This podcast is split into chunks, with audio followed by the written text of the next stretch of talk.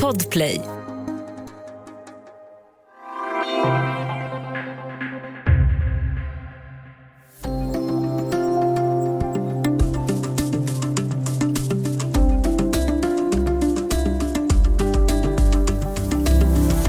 Antalet inseminationer med donator har ökat kraftigt under de senaste åren. Sedan ett par år tillbaka måste föräldrar berätta för sina barn om de har tillkommit med insemination av donator. Vad kan det betyda för en familj att barnen har kommit till på så sätt? Välkommen till Studio DN. Jag heter Sanna Thorén Björling.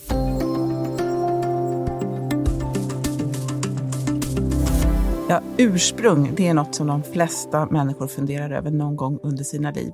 Och det är alldeles oavsett vad man har för relation till sina föräldrar, biologiska eller andra. En grupp barn, och numera vuxna, som blir allt fler är de som har blivit till med hjälp av en donator. Och om det ska vi prata idag med Johan Nilsson som är vetenskapsreporter på Dagens Nyheter. Välkommen! Tack! Om vi börjar med det grundläggande här. Vad är en spermadonation? En spermadonation är när en kvinna insemineras med eh, sperma från en donator. Och Det kan ju vara då ens man, eh, men det kan också vara en främmande donator. Och vem får bli donator? Eh, för att få bli donator, en, så att säga en, eh, legitimerad donator då, då, som ingår i, där man lämnar IVA-sjukvården, eh, får alla som är fysiskt friska, man, man, måste vara över 23 år, man får inte ha något missbruk. Eh, man måste också eh, genomgå någon form av psykologiskt test där mognaden prövas. Man måste förstå innebörden, vad det, vad det innebär att, att få ett barn som inte är ens eget. Som du inte har några skyldigheter till, men heller inga rättigheter gentemot. Mm. Så par då som inte kan bli gravida, om det till exempel är knas med mannens spermier, eller samkönade par eller ensamstående kvinnor kan ha stor nytta av en donators spermier. Men under det senaste decenniet har antalet inseminationer med donerade spermier ökat från ungefär ett hundratal per år till över 2000. Vad beror den här ökningen på? Ja, det är säkert flera orsaker. Det, dels har vi blivit fler i befolkningen, men eh, sen också så har det skett en del lagändringar. Och 2005 eh, blev det tillåtet för lesbiska par och 2016 för ensamstående kvinnor att bli gravida med insemination. Så det är två orsaker. Mm. Du var inne på det att det har blivit tillåtet. Det är flera lagar eh, kring i det här området som har förändrats. Eh, det är ju väldigt intressant och lite eh, knepigt och man ska hålla reda på allting. Hur är det idag? Vem har rätt att få veta vad om vem och när? Sedan 19, år 1984 blev Sverige först i världen med att stifta en lag som säger att alla som har blivit till med främmande, då var det bara spermier, främmande spermier, har rätt att i mogen ålder ta reda på sitt, få information om sitt genetiska ursprung. Eh, då fanns det inget krav för föräldrarna att berätta att eh, barnet, hur barnet hade kommit till. Men sedan 2019 så finns ett sådant krav också. Mm. Eh, och då kan man få veta det då när man är vuxen eller mogen ålder? Det måste väl vara då att man är 18? Mm, ja. ja. Eh, kan, när barnen är små, går det att få veta vem som är donator? Jag vet folk i, jag har kompisar i, i USA där barnet har blivit till på det här sättet och hon har donor siblings som hon träffar då och då. Det här är en tjej som är i tonåren. Men det där fungerar ju olika i olika länder. Ja, om, om, om föräldrarna har berättat det och om barnet vill, vill i den åldern söka. Men, men det bygger på att det är barnets initiativ och att barnet, jag tror lagen är inte skriven så, utan lagen är skriven åt andra hållet. Så att, säga, att, att vid mogen ålder har de rätt att söka information. Mm. Så att de här lagändringarna och de förändringar som har skett, vad skulle du säga där? Eh, vilken typ av diskussioner har lett fram till dem? Det är också, det är också lite grann en bild av en samhällsförändring. Uh, I högsta grad, tror jag. Um, jag tror i grund och botten har det att göra med att man har förstått mer och mer betydelsen av det genetiska arvet och då inte minst den eh, ja, psykosociala betydelsen, man ska kalla det för. Att det, det här är viktig information som man bör dela med barnen. Mm. Hur menar du då? Eh, att det har... Att, eh, ja, man, man har ju sedan länge, så vet man ju om bland annat att risken för psykisk ohälsa är högre bland adopterade än icke-adopterade. Eh, så att man har anat att det, att, det, det, att det är viktigt att kunna ta reda på sitt genetiska ursprung. helt mm. enkelt. Och eh, Då införde man den här lagen 1984. Alltså. Mm. Så det är lite grann den här spänningen mellan arv och miljö man ser i det här? Ja, det tror jag nog. Mm. Där det under kanske 60-70-talet var väldigt mycket miljö och sen började det långsamt svänga och någon gång på 80-talet så blev det mer och mer biologi över det hela och den svängningen har väl i stora delar fortsatt. Mm. Och sen det här att samkönade par och ensamstående nu har rätt. Vad är det som har lett fram till det? Ja, det tror jag är någon, också någon form av insikt som samhället har gjort att om inte de har rätt så blir det någon form av diskriminering. Jag tror det är en allmän syn på, vad ska man säga, ensamstående och eh, homosexuella eller hbtq-frågor. Mm. Det, har, det har förändrats helt enkelt. Om man då ser på de som blir donatorer, eh, då går det ju inte längre att vara anonym. Det kan man ju tänka sig då att vissa personer kanske tänker att det verkar ju lite läskigt att plötsligt bli kontaktad av en vuxen person som man eh, på något sätt har en relation med. Men det är ju inte heller lika ovanligt då, eller udda att vara donator. Hur har tillgången till donatorer förändrats? Eh, så vitt jag vet så har, inte, har den här lagen, eh, innebar inte den här lagändringen att eh, tillgång till donatorer minskade, vilket man, många befarade. Däremot så har ju bristen på donatorer alltid varit stor. Brist, alltså, tillgången har alltid varit mindre än efterfrågan. Och i takt med att det ökade då, på 2000-talet genom att de här med ensamstående mm, kvinnor och lesbiska par har fått donera så har bristen nu större än någonsin. Mm. Vi ska ta en liten paus och sen ska vi prata mer om hur donatorer, barn och föräldrar kan uppleva det här.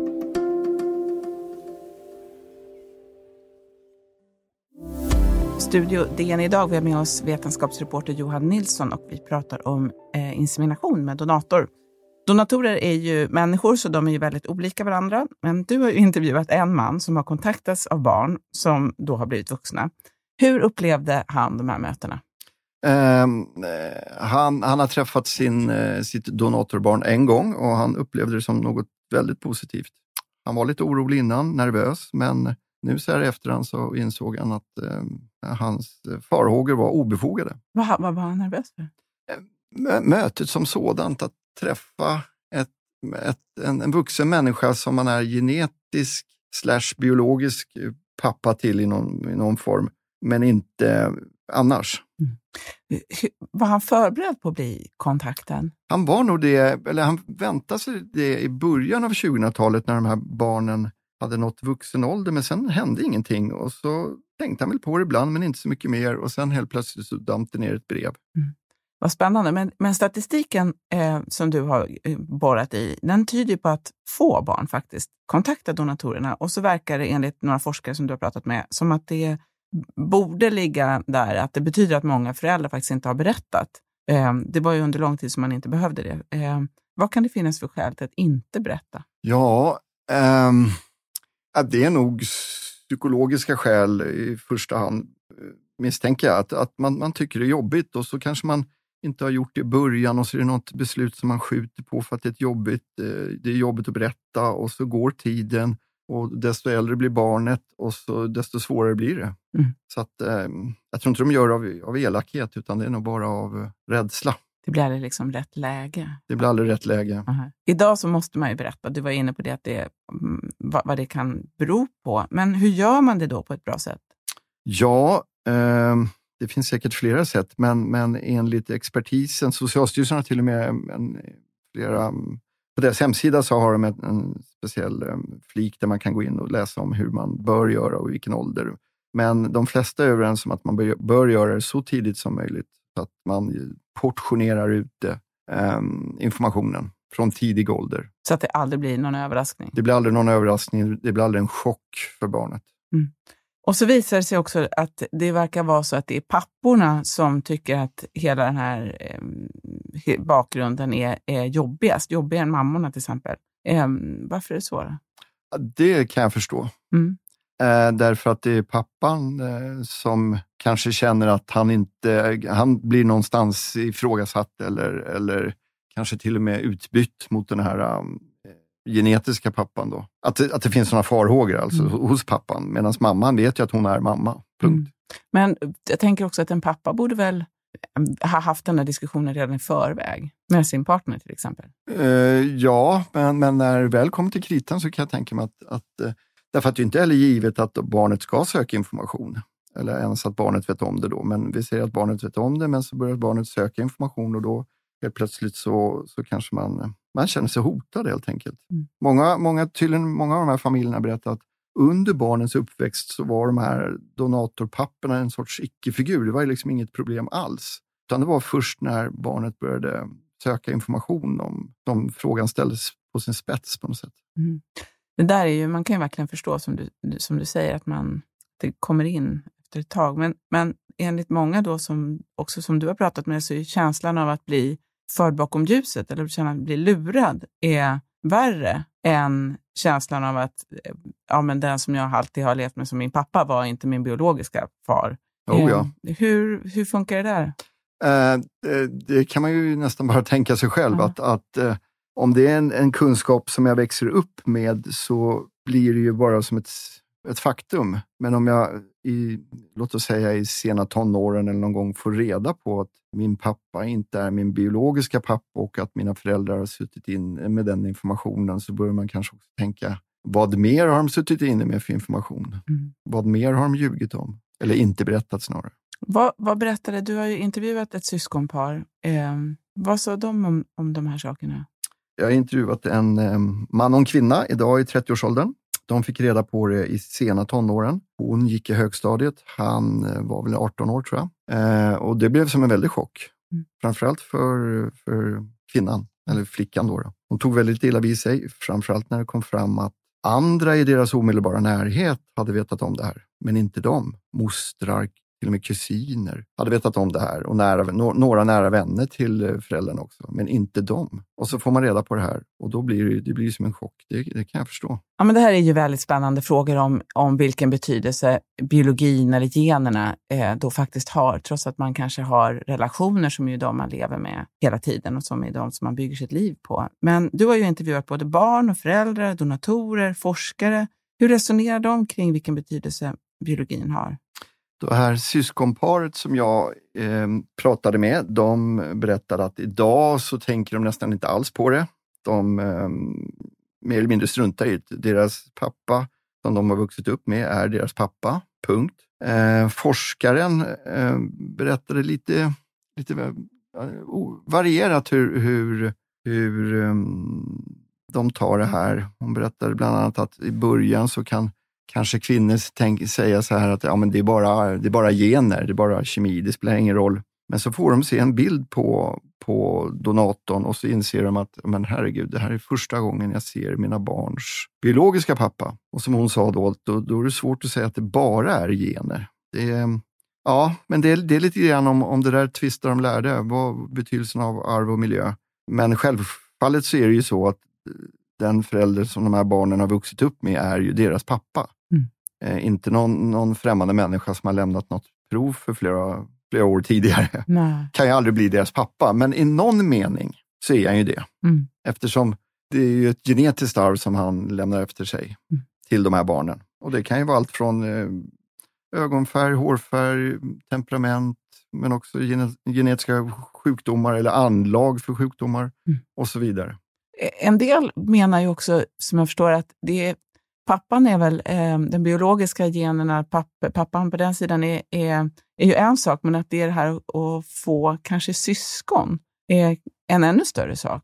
Hur, eh, det här att få syskon i vuxen ålder, vad innebär det? Ja, precis. Hon, hon berättade det, den här eh, forskaren, att eh, många av de här som söker, sin, som söker information om, om, om donatorn i första hand inte var på jakt efter en extra pappa utan efter syskon snarare. Många av de här barnen är ensambarn från början och då, då är det framförallt syskon man vill ha. Så att, eh, jag tror det har stor betydelse. Mm. Och då är det väl ändå så, eh, som du har skrivit, att varje donator får ge upphov till barn i sex familjer? Ja, Inte kanske sex barn, utan sex familjer? Nej, så teoretiskt kan det ju bli då kanske om upp till 18, 19, 20 barn. Mm. Så att det kan inte vara att man hittar 70 syskon? Nej, inte Nej, i Sverige. Inte i Sverige. Ehm, så vad tror du att vi kan vänta oss på det här området om man tittar lite framåt? Ehm, äggdonationer finns ju redan, men inte så jättemycket. Det är ju en, en helt annan, mer komplicerad process. Men, men, men vad tror du att man kommer få se? Ja, bra fråga. Det, det är väl framförallt den här um, akuta bristen på donatorer som de försöker lösa nu, både på äggsidan och spermiesidan. Um, och sen framöver, du, men, du tänker kanske om, om lagändringar eller liknande. Mm. Ja, ja, jag tror vi nog kommer få ha, jag tror, jag tror inte de kommer, jag tror de fortfarande kommer slå fast kring det här äh, vikten av för de här barnen att kunna ta reda på sitt genetiska ursprung. Det tror jag, det, det kommer man äh, värna om. Mm. Stort tack för att du var med idag Johan Nilsson. Tack. Om du vill kontakta oss så går det bra att mejla till studiodn dn.se. Kom också ihåg att prenumerera på Studio DN när du lyssnar på poddar så missar du inga avsnitt. Studio DN görs för Podplay av producent Palmira Kokarimenga, ljudtekniker Patrik Miesenberger och teknik Oliver Bergman, Bauer Media. Jag heter Sanna Thorén Göring.